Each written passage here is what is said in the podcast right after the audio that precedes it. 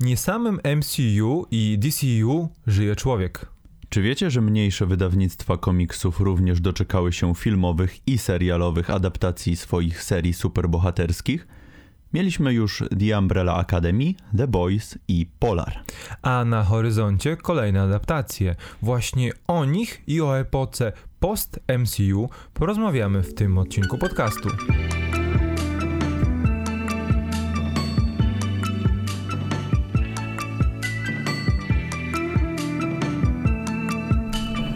Cześć, tutaj dwóch chłopaków z Be My Hero i witamy was w kolejnym odcinku podcastu. Cześć.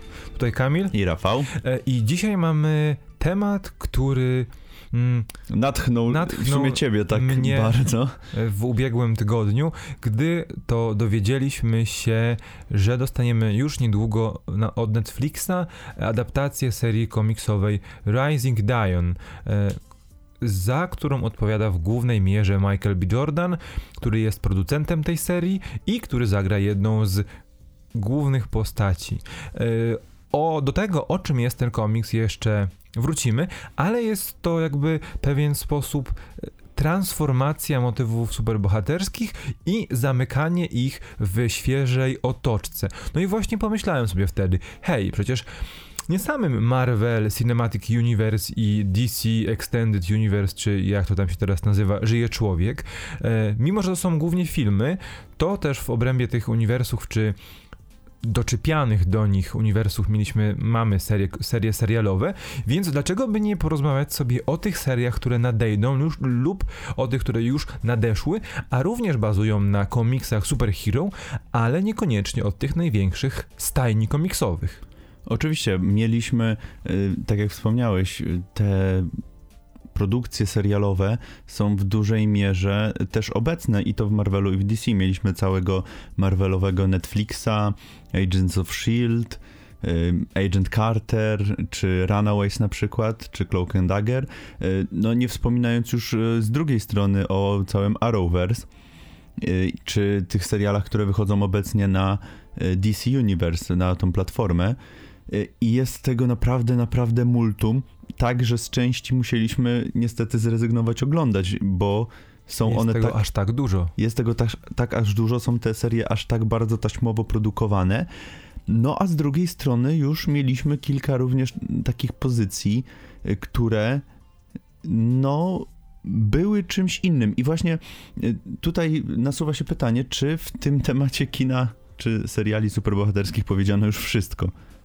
Wiesz co, bo ja się tak zastanawiam właśnie. W momencie, kiedy wspominałeś o tych wszystkich tytułach, ja zastanawiałem się, który z nich jest najmniej sztampowy. To znaczy, nie jego akcja nie toczy się wyłącznie e, wokół bicia się ze złymi e, bezgajami, wielkimi zagrożeniami i ratowanie świata. No i jedyną z takich, mm, z tych serii jest chyba e, Black Lightning, który porusza bardzo mocno tematy rodziny, tematy wychowywania dorastających dzieci z supermocami, tego jak radzić sobie raz z ich wychowaniem, dwa z byciem dla nich przykładem, mimo że walczy się często nierówną walką, bo jednak jest się o wiele potężniejszym niż przeciwnicy.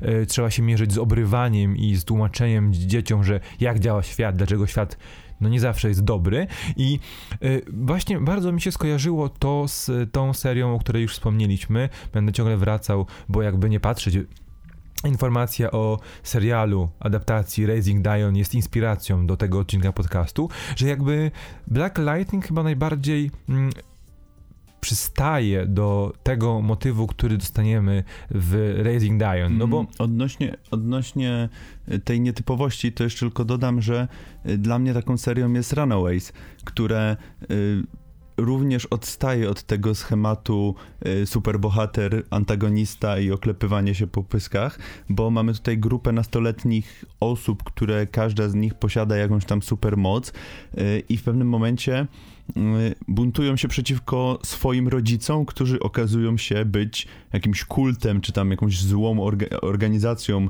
y, która próbuje, nie wiem, przejąć kontrolę nad światem, czy coś tam. Y, I to też jest takie przełamanie tego schematu właśnie. Dlatego, y, no ja nie oglądałem Black Lightning, ty nie oglądałeś Runaways i no tak. każdy z nas ma inny przykład co do tego wyłamania się z konwencji. Ale właśnie, bo pytanie teraz brzmi, takie pytanie, które musimy sobie zadać na samym początku. Czy w temacie tych superbohaterskich adaptacji powiedziano już wszystko? No bo ciągle posługujemy się przykładami Marvela i DC, no bo najwięcej seriali dostaliśmy właśnie bazujących na postaciach z tych uniwersów. Już nawet pomijając Lucyfera, Konstantina czy. No nie, to chyba wszystko. Ale pomijając te mm, postacie, które znajdują się w tym szerokim uniwersum superhero, ale jednocześnie nie są superbohaterami per se. Odkładając to na bok mhm. i patrząc wyłącznie na te serie, które faktycznie dotyczą mm, postaci w rajtuzach, no to jest tam wiele, mm, wiele bardzo sztampowych zagrań, z których wyrówna, wyróżniają się te tytuły, o których pewnie już napom właśnie napomknęliśmy, a reszta wydaje się być bardzo płaska, bo nawet agenci tarczy, którzy mm, podróżowali w czasie i przestrzeni, w których y, w której serii działo się naprawdę sporo, szczególnie tej czwartej i piątej, no i teraz szóstej, której niestety nie oglądam. E, dzieje się naprawdę sporo ciekawych, nowych, świeżych mm, ma, e, twórcy mają dużo nowych, świeżych pomysłów na to, jak obrobić ten projekt i jak go powoli zakończyć, no bo on Aczkolwiek końcowi. To i tak się sprowadza do tego, że któryś z nich jest zły. No tak, no tak, tak. No ale te, jakby ta rzeczywistość, w której oni się muszą odnaleźć, jest zupełnie inna, zupełnie różna od tych, które nie mamy w tych serialach typu CW. No nie? I jakby tu jest ten, ten, ta wielka, większa siła, ale faktycznie poza e, Runaways, czyli nastolatkami, którzy muszą walczyć z własnymi rodzicami, poza Black Lightning, gdzie bardzo prominentny jest ten wątek e, rasowy, no to te wszystkie serie wydają się bardzo poukładane, bardzo takie nudnawe i bez koloru. Ja bardzo ciekawy jestem, co zrobi Marvel w tych swoich kinowych e, serialach, bo to jednak będzie wprowadzanie jakiejś świeżej jakości, jakiejś e, no, czegoś nowego, czegoś, czego tak naprawdę jeszcze nie było, gdzie te seriale będą stuprocentowo powiązane z całym MCU, mm, no to będzie coś, coś nowego, coś świeżego, aczkolwiek wątpię, żeby e, one się wyłamywały z tych schematów, o których wspominaliśmy. No, na pewno nie. Ale wiesz, tam może być, bo to będą 6-godzinne filmy w, w, w, w no, większej mierze. Ale teraz właśnie, chcielibyśmy odejść od tego głównego nurtu, czyli od Marvela i DC i przejść w stronę na przykład... Wypłynąć na, na nieznane szerokie wody. wody. No bo tutaj głównie, tak patrząc po tytułach, skupimy się na Miller, Miller World, czyli... Um, wydawni, pod wydawnictwo, znaczy właściwie czym jest Miller World? No bo to nie jest wydawnictwo komiksowe, bo e, Mark Miller tworzył komiksy dla dwóch albo trzech wydawnictw, ale wszystkie były właśnie pod szyldem tych, tych jego oryginalnych e, tego jego oryginalnego świata komiksów. No, no i to jest wspaniały świat Marka Millara. No tak, no bo e, trzeba rozpocząć od tego, że tutaj mówimy, będziemy mówić głównie o serialach, ale zahaczymy też na pewno o filmy, filmy kinowe, filmy streamingowe, które już się pojawiły i które mają nadejść, no bo to jest nieodłączny element, e, nieodłączny element tego świata i te adaptacje, które których serie zostały przetworzone na filmy, też są obecne. No i jeśli chodzi o samego Millara, trzeba rozpocząć tę rozmowę chyba od Kikasa. Czyli tak naprawdę pierwszej adaptacji y, takiego komiksu y, Superhero, Super ale, ale spoza jest... głównego nurtu. Bardzo, bardzo ładnie powiedziane. Proszę bardzo, dziękuję bardzo. Gdzie faktycznie, y, no to było coś świeżego, coś nietypowego, coś, co mogło y, wielu zszokować, no bo powiedzmy sobie szczerze, Kikas, no nie jest to film, na który zabierzesz całą rodzinę, tak jak filmy Marvelowe. Chociaż w czasie, kiedy wychodził ten film, to jeszcze chyba nie było takiego szału na, na MCU, bo no to nie, był 2010, 2010. rok. Mhm. Więc no, ale już wtedy mieliśmy jakby całą dekadę z y, filmami Singera, z, ze Spider-Manem, z początkiem MCU. Z Blade'em. No, tak. Także y, to już było coś świeżego w tamtym momencie, coś zupełnie innego, coś, jakieś zupełnie nowe, nowe podejście do, do tego tematu. Y, No bo mamy tutaj chłopaka, który No nie ma tak, żadnych tak naprawdę mocy. nie ma żadnych mocy, a mimo to stara się y, ratować to swoje najbliższe otoczenie i być tym zamaskowanym mścicielem. Na początku, tak, a później e, wplątuje się w wielką intrygę, z której wyłącznie chce się wykaraskać, żeby przeżyć i żeby wrócić do swojego zwykłego, nudnego życia i znów móc wyłącznie patrolować swoją dzielnicę jak Friendly Neighborhood Spider-Man, bo tylko o to mu tak naprawdę, chodziło. E, I, tu, I zobacz, ale tutaj wydaje mi się, że tutaj e, też jest ważny aspekt społeczny, bo w tym filmie po raz pierwszy tak ważną rolę odgrywają social media, bo nie wiem, czy pamiętasz, i w komiksie, i w ekranizacji, w pierwszym tomie e, komiksu i w pierwszej części filmu, dużą rolę w rozpropa- rozpropagowaniu działalności tych vigilanti, tych super, e, samozwańczych superherosów. Miał internet i wszystkie, i wtedy, My, i wtedy MySpace, co ciekawe.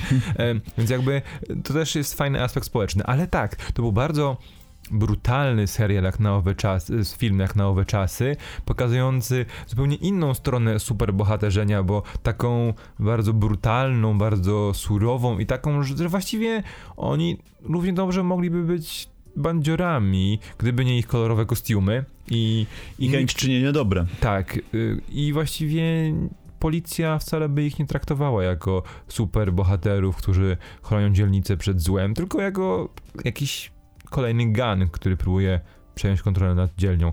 E, I co dalej o samym Kikasie? Bo on, jakby pierwsza część jeszcze miała sporo aspektów, które nie pokrywały się z komiksem, co też będzie na pewno powracającym motywem w tym odcinku, bo będziemy mówić o tym, jak komiksy mają się do filmów czy seriali, jak mocno się Dokładnie. od nich różnią.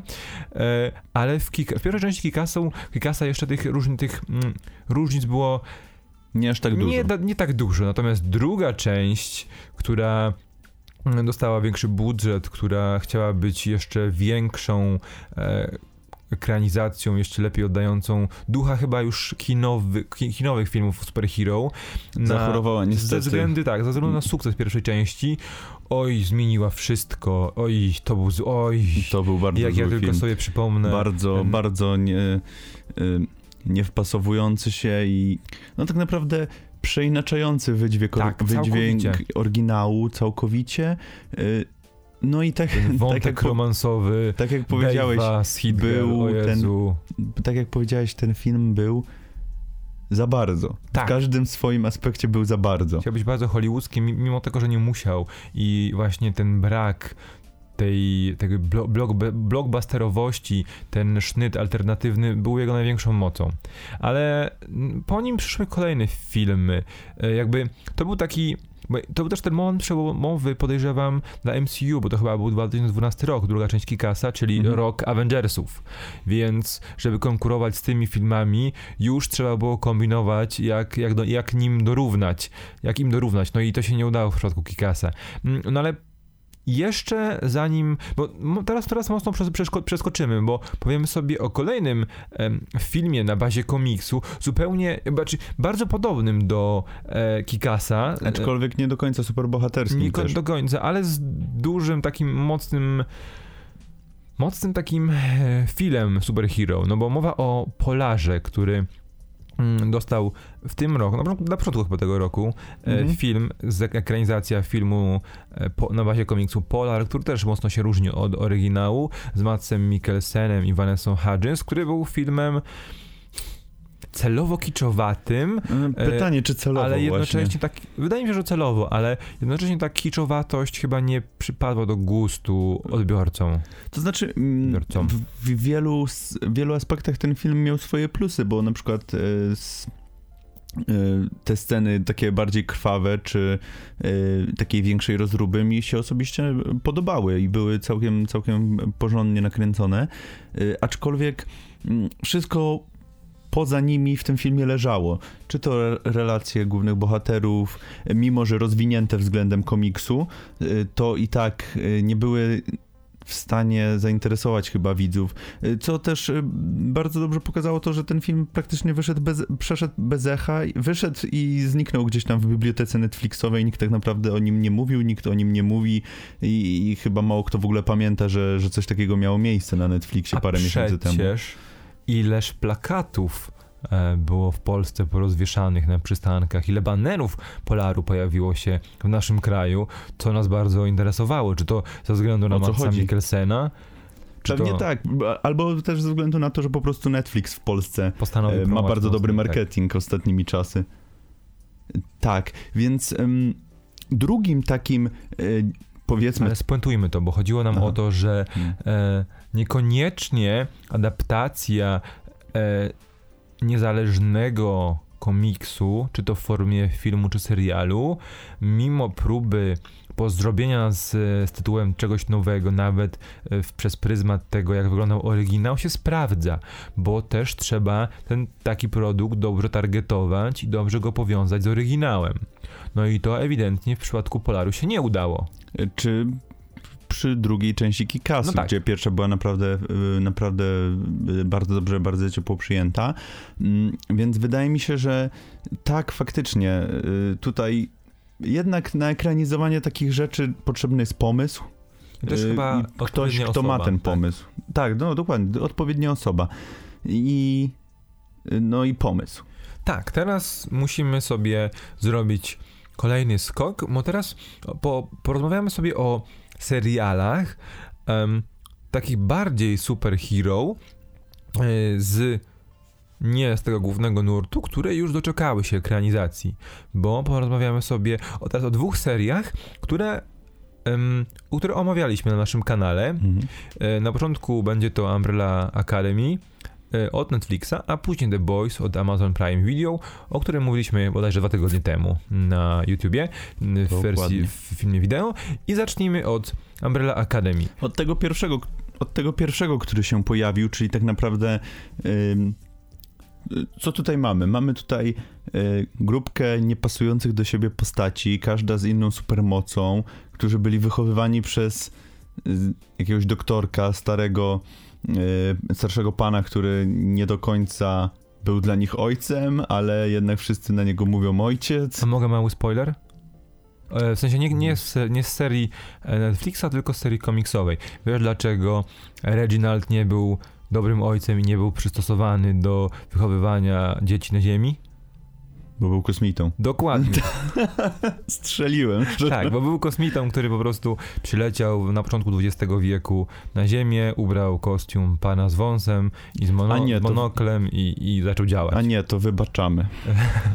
To wybaczałem to. W takim razie dlatego był Tak, ale y, powiedzmy sobie, czym, co tak, co tak naprawdę odróżnia tą y, serię od pozostałych, czym, czym ona się tak naprawdę wyróżnia. Y, moim zdaniem, y, znaczy bardzo dobrym krokiem było y, właśnie stworzenie z nich takiej dysfunkcyjnej rodziny, mm, gdzie każdy. I nie mam tutaj na myśli tej dysfunkcji w takiej, jak no, możemy kojarzyć, że o, wszyscy y, się tutaj niby nie dogadują, ale tak naprawdę się kochają. Nie, oni tutaj praktycznie do finału, y, każdy, oni siebie nienawidzą tak naprawdę do finału. Każdy y, nie chce mieć nic wspólnego z, z inną stroną. Mm, No i tam w, gdzieś w okolicach finału dopiero zostają zmuszeni do tego, żeby współpracować ze sobą. Y, Co było świeżym podejściem i faktycznie też nie każdy z nich, znaczy praktycznie żaden z nich nie chciał być żadnym superbohaterem. Oni po prostu sobie żyli z tymi supermocami. Jedni oni, o nich zapominali, inni y, dostali je tak, że zostali skrzywdzeni do końca życia. Mm, Inni w ogóle w sobie ich nie odkryli do pewnego momentu. Y, Także jest to y, faktycznie, fakty, faktycznie coś nowego.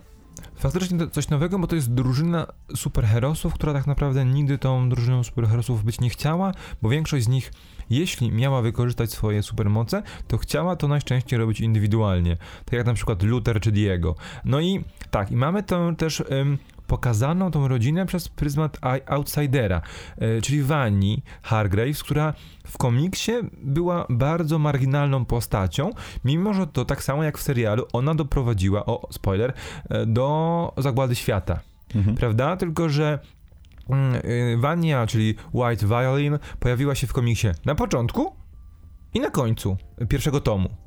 E, I mm, właściwie już nie odgrywa żadnej roli w komiksie, bo dostała kulkę w łeb i leży podpięta, leżała długo podpięta pod aparatury utrzymującą ją przy życiu. No i a akcja toczyła się dalej. Mm, a tutaj mamy znowu stworzenie serii, która musi mieć bardzo mocno emocjonalny wątek y, jednego z bohaterów. No bo to y, w serii od razu sobie zdajemy sprawę, że Wania jest wyrzutkiem, który, która, który teoretycznie nie ma żadnej supermocy, ale jak się później okazuje, jest najpotężniejsza z nich wszystkich. E, I obserwujemy jej przemianę z tej cichej, posłusznej, wyalienowanej dziewczyny, która od, od, od jakby odrzuca całkowicie swoją super e, heroistyczną, hero, heroistyczną rodzinę i spróbuję, so, próbuję sobie wieść zwykłe życie, ale z czasem, e, z czasem rozwoju akcji okazuje się, że jest ważniejsza niż się wydawało i zaczyna mieć żal do wszystkich.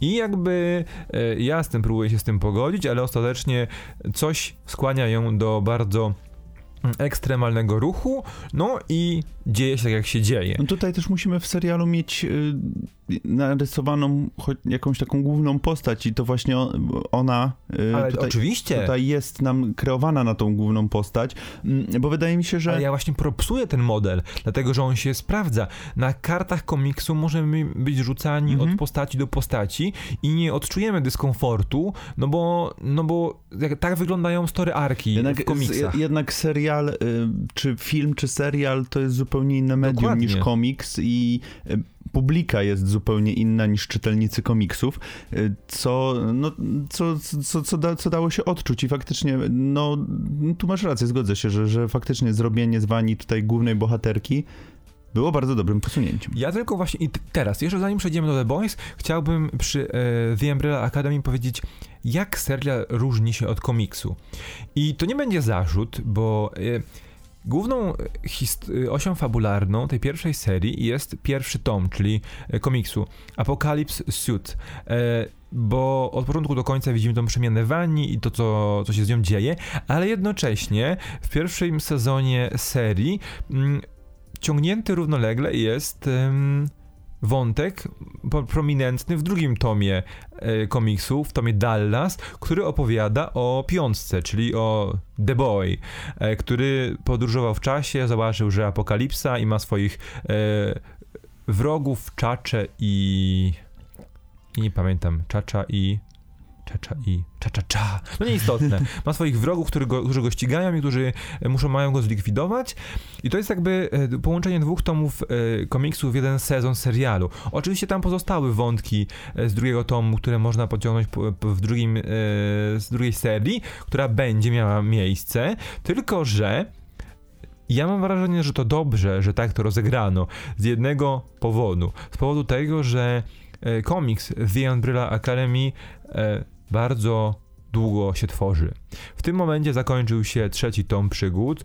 Trzeci tom nosi tytuł Hotel Oblivion i w ogóle jest bardzo e, mocno odłączony od tej historii, do, o której mieliśmy mowa, która była, o której była mowa w pierwszych dwóch tomach, bo to jest jak podróż przez galaktykę do do planety, na której stoi hotel o więzienie, w której Reginald Hargraves trzymał złoczyńców, których łapał i tam, no i, no i tak, jakże jakby... Brzmi jak to... coś, co mógłby zadaptować Netflix. Tak, tylko musiałby za, za bardzo po swojemu to ugrzecznić, bo taka, tak mocny przeskok e, w miejscu i w fabule w, serie, w serialu jest chyba niedopuszczalny, tak mi się przynajmniej wydaje, jest, byłby mocno nie do zniesienia. No, musieliby to jakoś ograć po swojemu, no ale jak widzimy, potraf, potrafią to zrobić no, okay, po swojemu, okay, więc... Okay.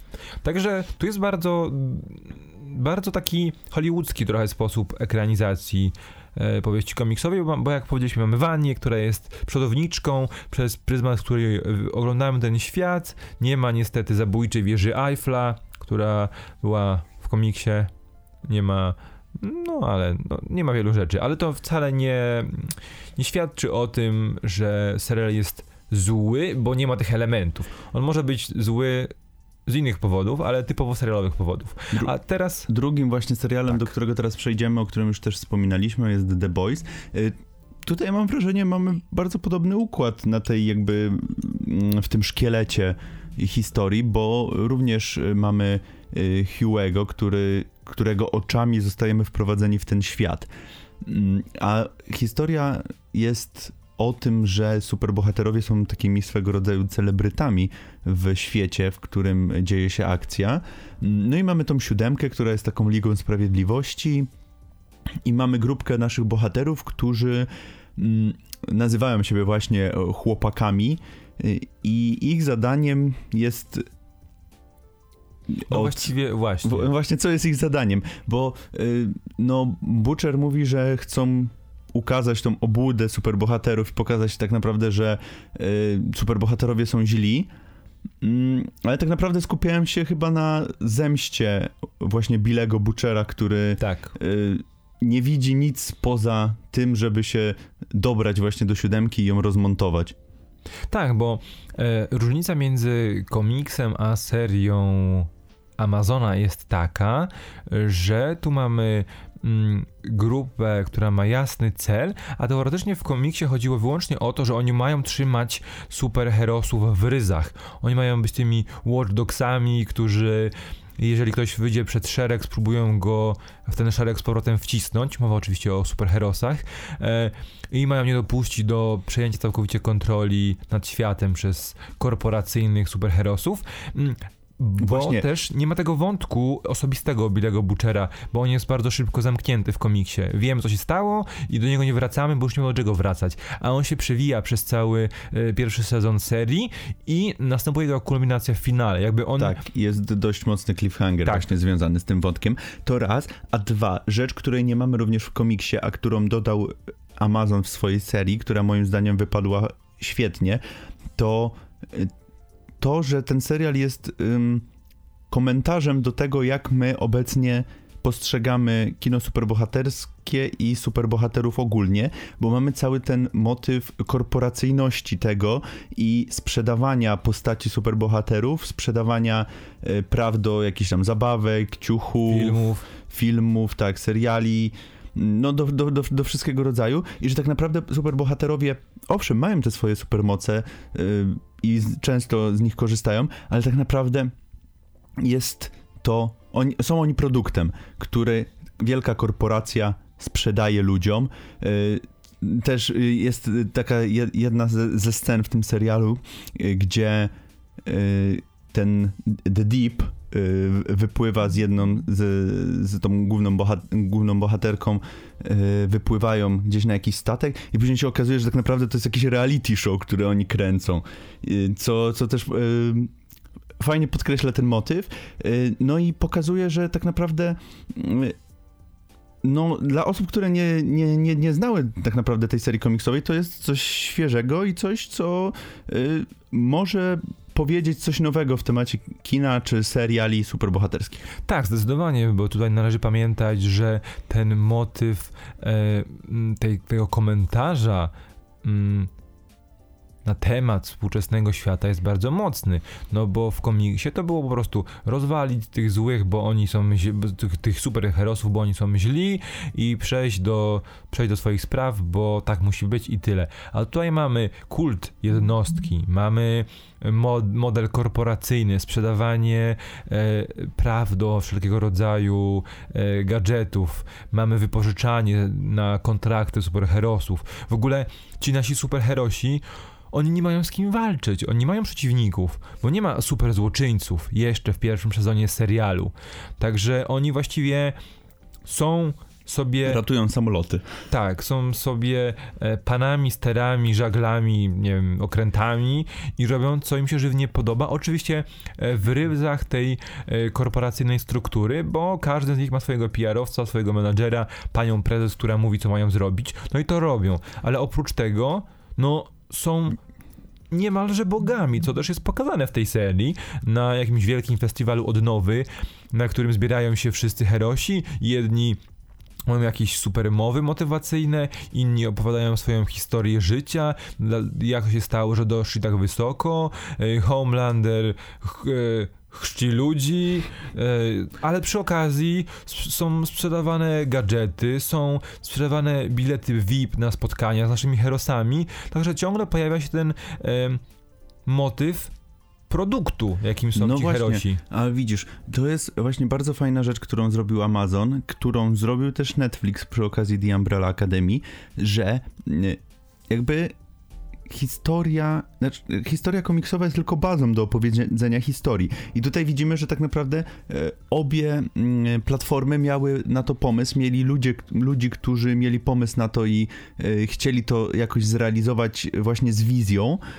E, I no, takie podejście do ekranizacji tych komiksów, które często tak naprawdę nie miałyby szans y, zdobyć jakiejkolwiek publiki y, właśnie serialowej czy, czy filmowej.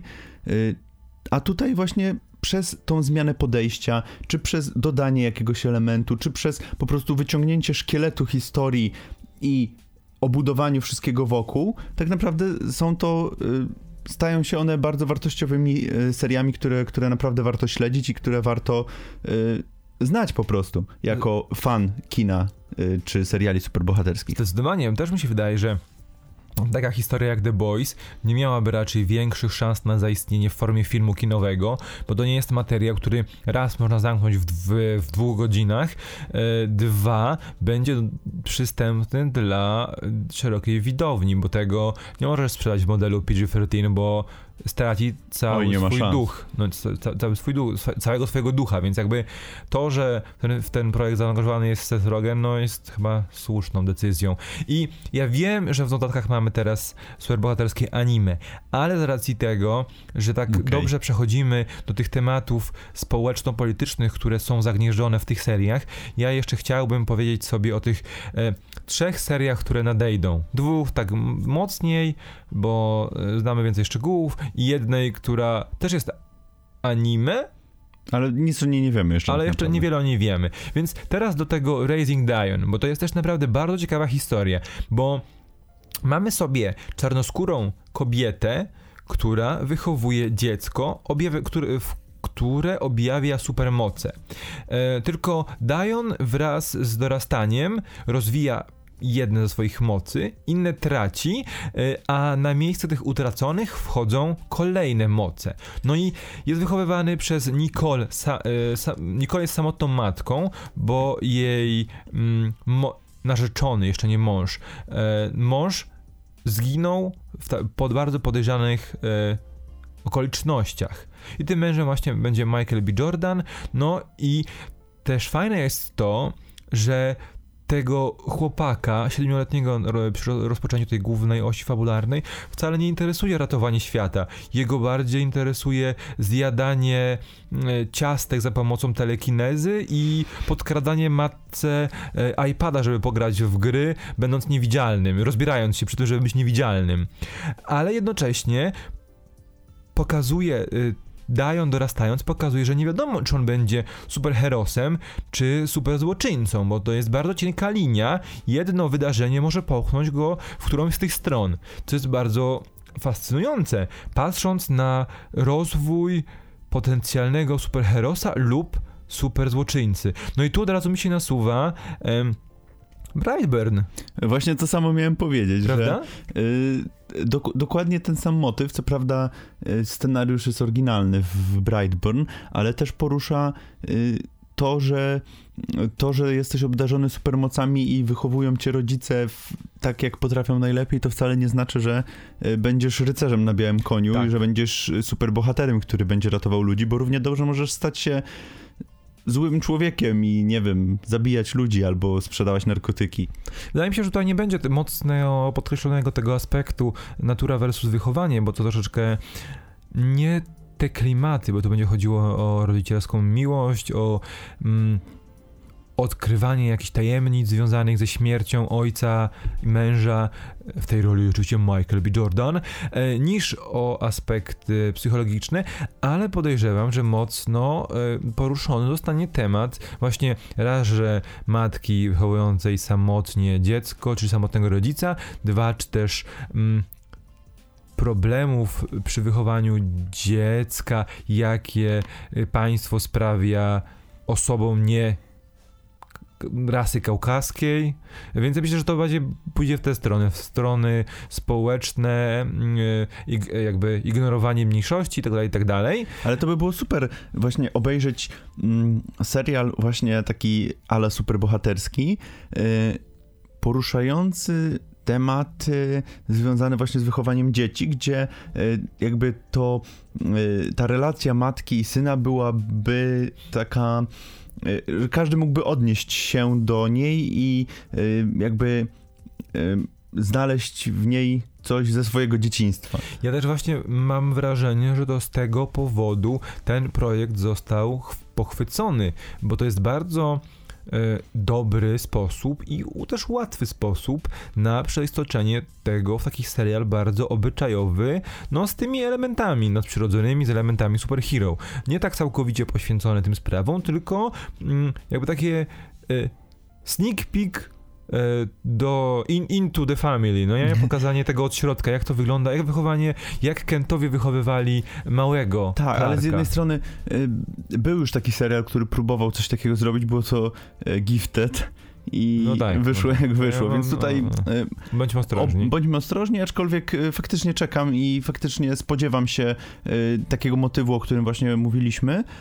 No i mam nadzieję, że będzie to zrobione lepiej niż w Gifted i, i że to będzie faktycznie taki pierwszy pełnoprawny serial o relacjach rodziców z dziećmi na bazie jakichś tam super, jakichś superbohaterskich motywów.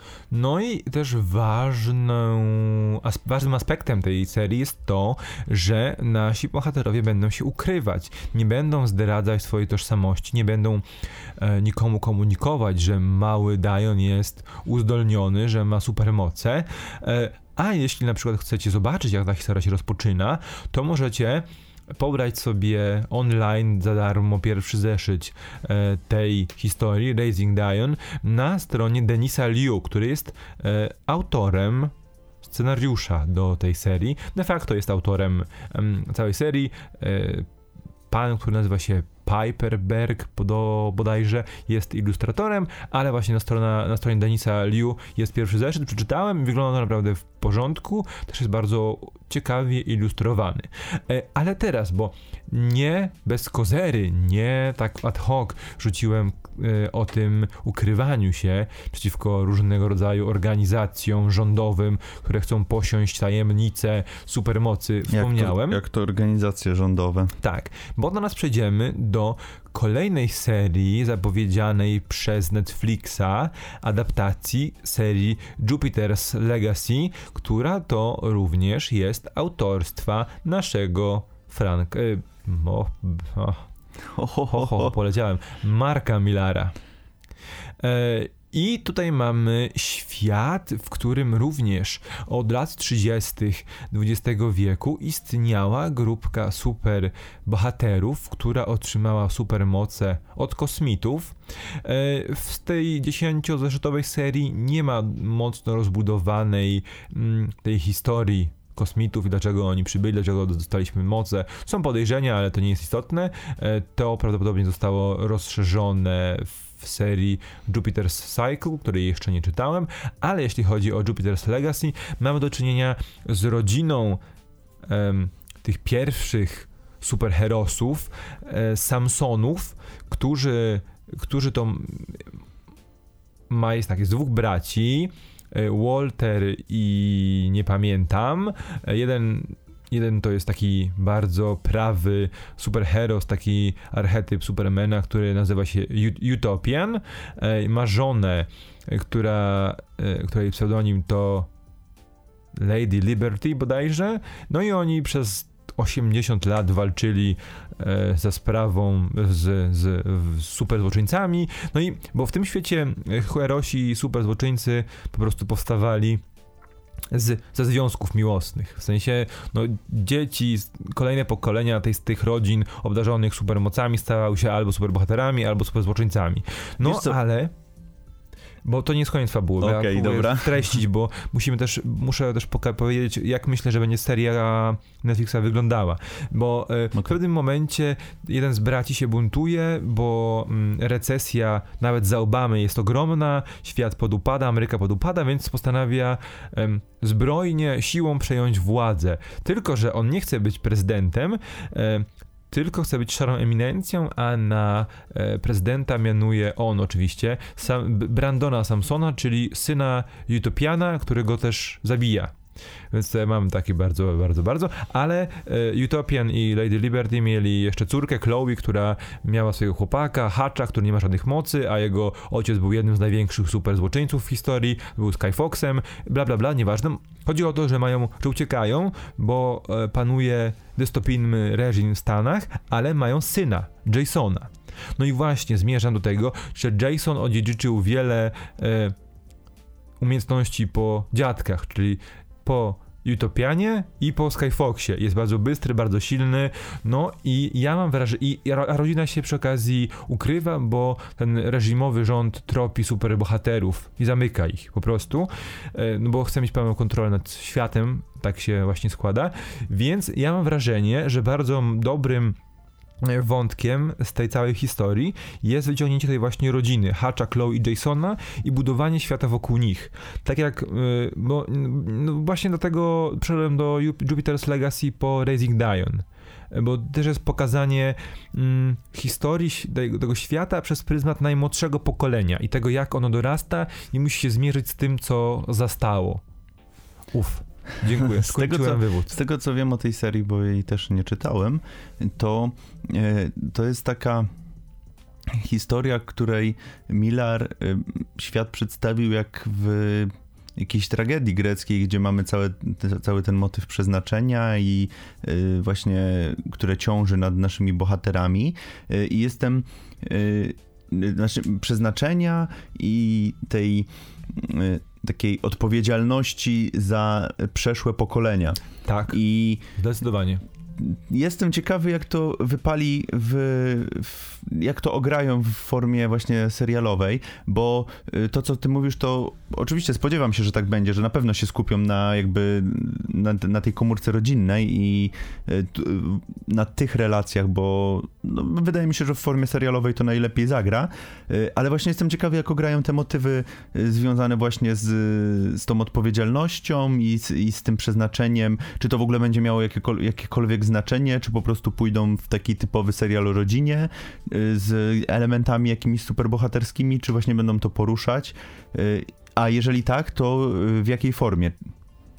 E, ja myślę, że będą, bo tak by nie patrzeć, jest już trzecie pokolenie superherosów tej rodzinie, rodzinie Samsonów, od których wszystko się zaczęło, a samo pokazywanie jak do władzy, do, do władzy takiej dystopijnej, rzeczy, w takiej dystopijnej rzeczywistości dochodzi jakaś rodzina despotów, no nie jest sexy. No to widzieliśmy już wielokrotnie, to no nikogo tak. nie kupi, e, nawet pokazane w najbardziej oryginalny sposób nie sprawi, że ludzie powiedzą, a nie, to jest bardzo odkrywczy serial, no bo to już było wielokrotnie we wszystkich crossoverach CW, czy w różnych filmach post-apo, to już było. Jest y, gość, który, potężny gość, który silną ręką trzyma cały naród, no, no i tyle. I jasne, ten motyw pewnej grupy wyrzutków, która mu się przeciwstawia, też jest dosyć ograny.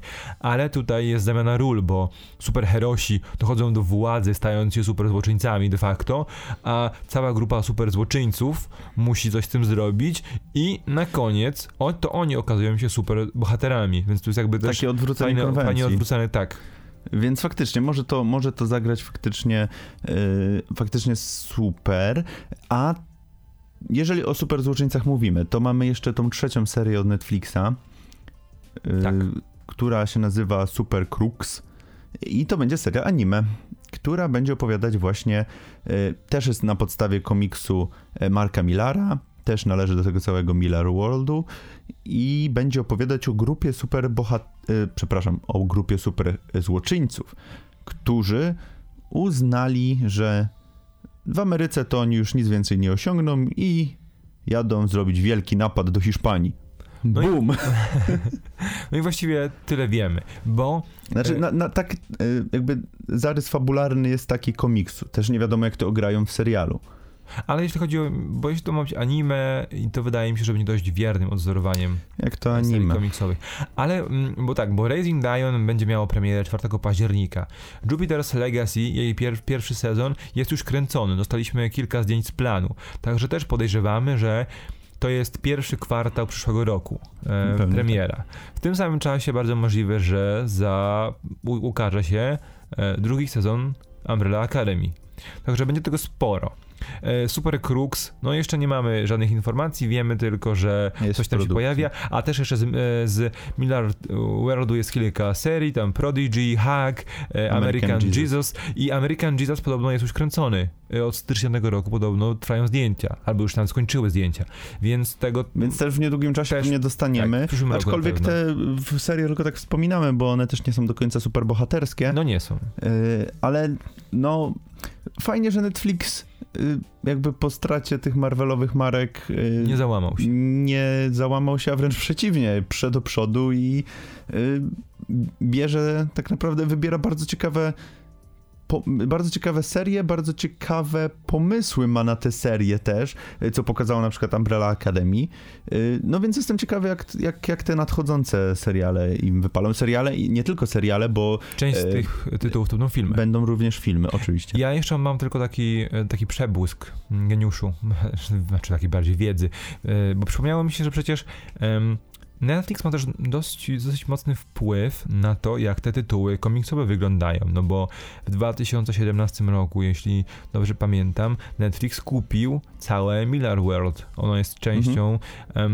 um, częścią Netflixa i tam jest naprawdę kilka fajnych tytułów, bo czy Reburn, czy to MHP, E, tam jeszcze było kilka, jakiś Empress, to wszystko całkiem fajnie wygląda i też Empress Netflix... też będzie miała film na Netflixie. No właśnie, więc jakby to bardzo ciekawie wygląda. Netflix naprawdę nie składa broni, wiedząc, że ma coraz większą konkurencję, próbuje znaleźć nowych, nowe gatunki i odłamy gatunkowe, które może eksploatować i na bazie których może budować dosyć ciekawe portfolio, więc tutaj w tej kwestii ja Netflixowi kibicuję, bo ile będzie można oglądać tych samych yy, po, te, te, tych samych archetypów postaci w serialach CW. No, no, no już mam dość, no. A czy dochodzą, też dochodzą seriali, tytuły, no czy, czy, też seriali y, Marvelowych, które y, no to będzie MCU tak naprawdę, czyli no będziemy mieli to samo co w filmach, tylko że z rozszerzeniem na kilkugodzinny serial. Tak, więc to się może znudzić. I te alternatywy są nam bardzo potrzebne, a raczej ani Apple Plus, ani e, jaki jeszcze nowy streaming będzie, mm, ani ten CBS-u streaming, mhm. one nie będą stawiały na tego typu produkcję, no bo zupełnie inaczej. No bo Apple na pewno nie wyda tych dwóch miliardów tak, nie, przepraszam, 600 milionów dolarów w pierwszym roku swojego działania na seriale Superhero, oni stawiają na nazwiska. Zresztą mamy przykład tego The Morning Show, no nie Karel, tak. Aniston i Witherspoon. No to nie będą e, projekty niszowe, które będą chcieli promować, tylko oni będą chcieli bazować na wielkich e, budżetach i na wielkich gwiazdach. Przecież dwa sezony tego The Morning Show mają pochłonąć 250 milionów dolarów, co jest w ogóle kwotą niedorzeczną jak na ja wiem, 20 odcinków serialu. Także, także jakby zupełnie inne e, modele rozwoju. No i mam nadzieję, że Netflix nie pójdzie tylko w teen dramy, ale też będzie rozwijał te superbohaterskie, komiksowe części swojej. No myślę, myślę, że po to y, między innymi zakupili Miller no World, tak. żeby mieć te historie i mieć co adaptować w y, kolejnych latach. Kończąc, I teraz. Kończąc chyba, przejdziemy już tak lajtowo do y, ostatniego podpunktu. No bo no bo, mamy Netflixa, mamy Millara, mamy Amazona z The Boys, y, ale y, po drugiej stronie globu jest sobie taki kraj, który się zwie Japonia i oni też tam y, w pewnym momencie się zorientowali, że mm, no jednak na tych superbohaterach to można zarobić pieniądz. I y, tutaj taka polecajka z mojej strony, bo y, wyszły dwie serie, które opowiadają o motywach y, właśnie superhero. Jedna taka bardziej sztampowa, druga też sztampowa, ale w trochę inny sposób i trochę mniej. Pierwszą, o której opowiem, to jest My Hero Academia, w oryginale Boku no Hero Academia i jest to shonen. Rzecz się dzieje w świecie, w którym superbohaterowie są e, bardzo powszechnym zjawiskiem, e, no ale nasz e, główny bohater obdarzony supermocami niestety nie jest. Nie jest i, ale stara się być jakimś tam, pomagać, nie wiem, prze, przechodzić babci przez ulicę czy coś, ale jest z tego powodu wyśmiewany między innymi w szkole, że nie ma supermocy i że w ogóle co ty gościu robisz. I na początku e, e, serii mamy taką historię, że spotyka go gość, który się nazywa Almighty, czy jakoś tak. W każdym razie jest to bardzo znany superbohater, jakiś taki ala Superman, który jest no takim no, wszyscy go znają, jest, jest takim najbardziej popularnym superbohaterem. E, gdzieś tam mu pomaga w czymś, no i okazuje się, że ten Almighty ma e, taką supermoc, że może się tą swoją supermocą dzielić z innymi. Że jedną jego supermocy jest moc dzielenia się swoją mocą. Jakkolwiek dziwnie to nie zabrzmiało. Brzmi znakomicie, prawie jak Shazam. tak. E, no, no, coś takiego. Z tym, że on ma też taką moc, żeby się przemieniać w sensie, że on się też przemienia w tego y, Almighty, że nie jest cały czas w tej formie. No i okazuje się, że ta jego ludzka forma to jest... Bardzo jak Shazam. Bardzo jak Shazam. E, tylko, że jego, ta jego y, zwykła forma to jest jakaś tam chuderlawa i taka zniszczona. No i ogólnie on chciałby się pozbyć tej mocy, więc tego naszego głównego bohatera powie, że mówi, że mu daje tą moc, ale nie w pełni, bo najpierw on się musi przekonać, czy ten jego bohater, nasz bohater zasługuje na tą moc. No i on tam dostaje część tej mocy i idzie do tej właśnie tytułowej akademii, żeby tam trenować te swoje moce. No i na tym polega fabuła y, w, na początku, tak się zarysowuje fabuła. No ale trzeba pamiętać, że jest to taki shonen, czyli jest to y, manga i anime, które są wydawane głównie dla 13-letnich chłopców, które polegają na bijatykach i na tych przepychankach słownych, y, więc nie jest to nic takiego, co można by było y, polecić z czystym sercem osobom dorosłym, y, bardziej tutaj właśnie dla fanów anime. Jeżeli ktoś nie zna, to, to mogę polecić właśnie taką do obiadu serię, która e, polega właśnie na bitkach, na tym popisywaniu się mocami. Z tym, że mamy tutaj bardzo dziwną kreskę, która mi też do końca nie odpowiada. No a teraz przejdźmy może do drugiej serii, która jest już e, trochę bardziej popularna na zachodzie. No właśnie, o tym chciałem powiedzieć, że to raczej jest seria, którą możecie kojarzyć. Nawet ja ją kojarzę, a ja raczej anime nie oglądam. Tak, a mowa oczywiście o One Punch Manie, który e, nie tak dawno zakończył swój drugi sezon. Mm, no i tutaj mamy zupełnie inne podejście, bo e, mamy tego e, faceta, który tak naprawdę może pokonać wszystkich jednym ciosem i moim zdaniem to jest bardzo fajnie zrobione, bo mamy tutaj coś, czego tak naprawdę nie dostaliśmy w tych zachodnich produkcjach, a mianowicie mamy parodię na całe to mhm. kino superbohaterskie i na to, no, na, na te motywy nadludzi w, w, w, w, no ogólnie w, mainstream, w mainstreamie czy w, czy w popkulturze ogólnie. No bo Saitama, główny bohater, e, tak jak już wspomniałem, może wszystkich rozwalić jedną, jednym uderzeniem, no i przez to stracił sens życia. I e, jakby komedia e, w One Punch Manie właśnie opiera się na tym, że nie ma osoby, która jest w stanie go pokonać e, i nasz bohater jest wsta- wrzucany, no on jest taki bardzo, no on jest taki bardzo znudzony tym wszystkim i szukający swojego jakby miejsca w tym świecie. No i ta jego znudzona postać jest wrzucana w bardzo kuriozalne sytuacje, które często gęsto y, no, no są po prostu niedorzeczne i takie, które do, myślelibyśmy, że nawiąże się jakaś walka, że tutaj dobro ze złem będzie walczyć, tak naprawdę zło zostaje pokonane w mgnieniu oka. Mm, no i właśnie na tym opiera się jakby cały humor i cała fabuła w One Punch Manie. Ja też, y, pamiętając kilka odcinków One Punch Mana, bardzo ciepło. Wspominam e, niesamowicie dziwny zabieg, jakim jest przyznawanie, w ogóle rejestrowanie wszystkich bohaterów, bo żeby Mhm. być legalnie działającym herosem trzeba być zarejestrowanym i nadawanie im rang.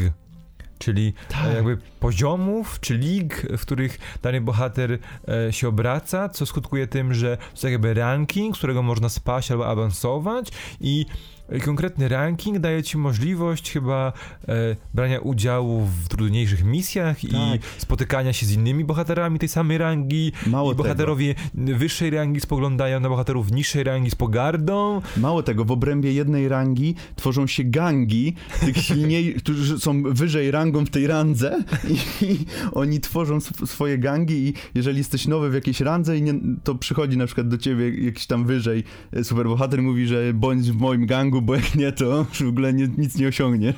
No właśnie, to, to jest.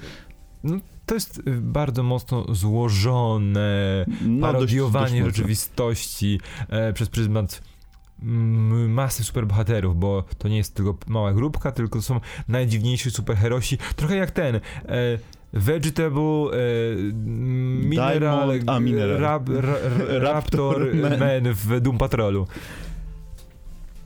Także e, inspiracją do tego odcinka było Raising Dion, jak już kilkukrotnie wspomnieliśmy, porozmawialiśmy sobie o alternatywnym postrzeganiu superbohaterów, o tym jak seriale e, teoretycznie superbohaterskie mogą opowiadać o czymś więcej niż tylko walkach z, ze złymi kosmitami i tymi I tym podobny. i tymi, no, bimami, w sensie tymi, no, strze- wystrzeliwanymi otworami w niebiosach, laser, laserami, Promieniem w niebo. promieniami w, w, w niebo, które otwierają e, jakieś teleporty, mogą być zupełnie czymś innym, no i mamy nadzieję, że w tę stronę będzie to zmierzało, bo my wielokrotnie powtarzamy, że ta, e, no, ta epoka MCU się zakończyła, żyjemy w epoce post-MCU i chcemy więcej projektów tego typu, które dorzucają nam tylko jakiś psychologi- dorzucają nam jakiś psychologiczny punkt widzenia na supermoce, superherosów. Aczkolwiek to nie superczyńców.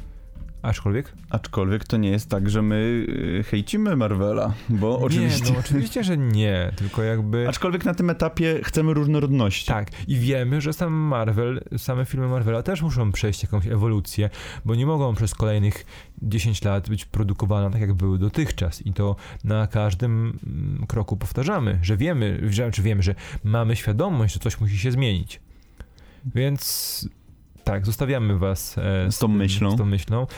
E, zapytamy was, zapytowujemy was, na który z tych mm, projektów, które się rozpoczną, niedługo czekacie najbardziej? Czy jest to na przykład drugi sezon The Boys, drugi sezon Umbrella Academy, czy może na przykład właśnie Jupiter's Legacy, czy Raising Dion? A może wolicie jednak e, nasze standardowe, bezpieczne, kochane MCU lub też jakieś filmy? Arrowverse.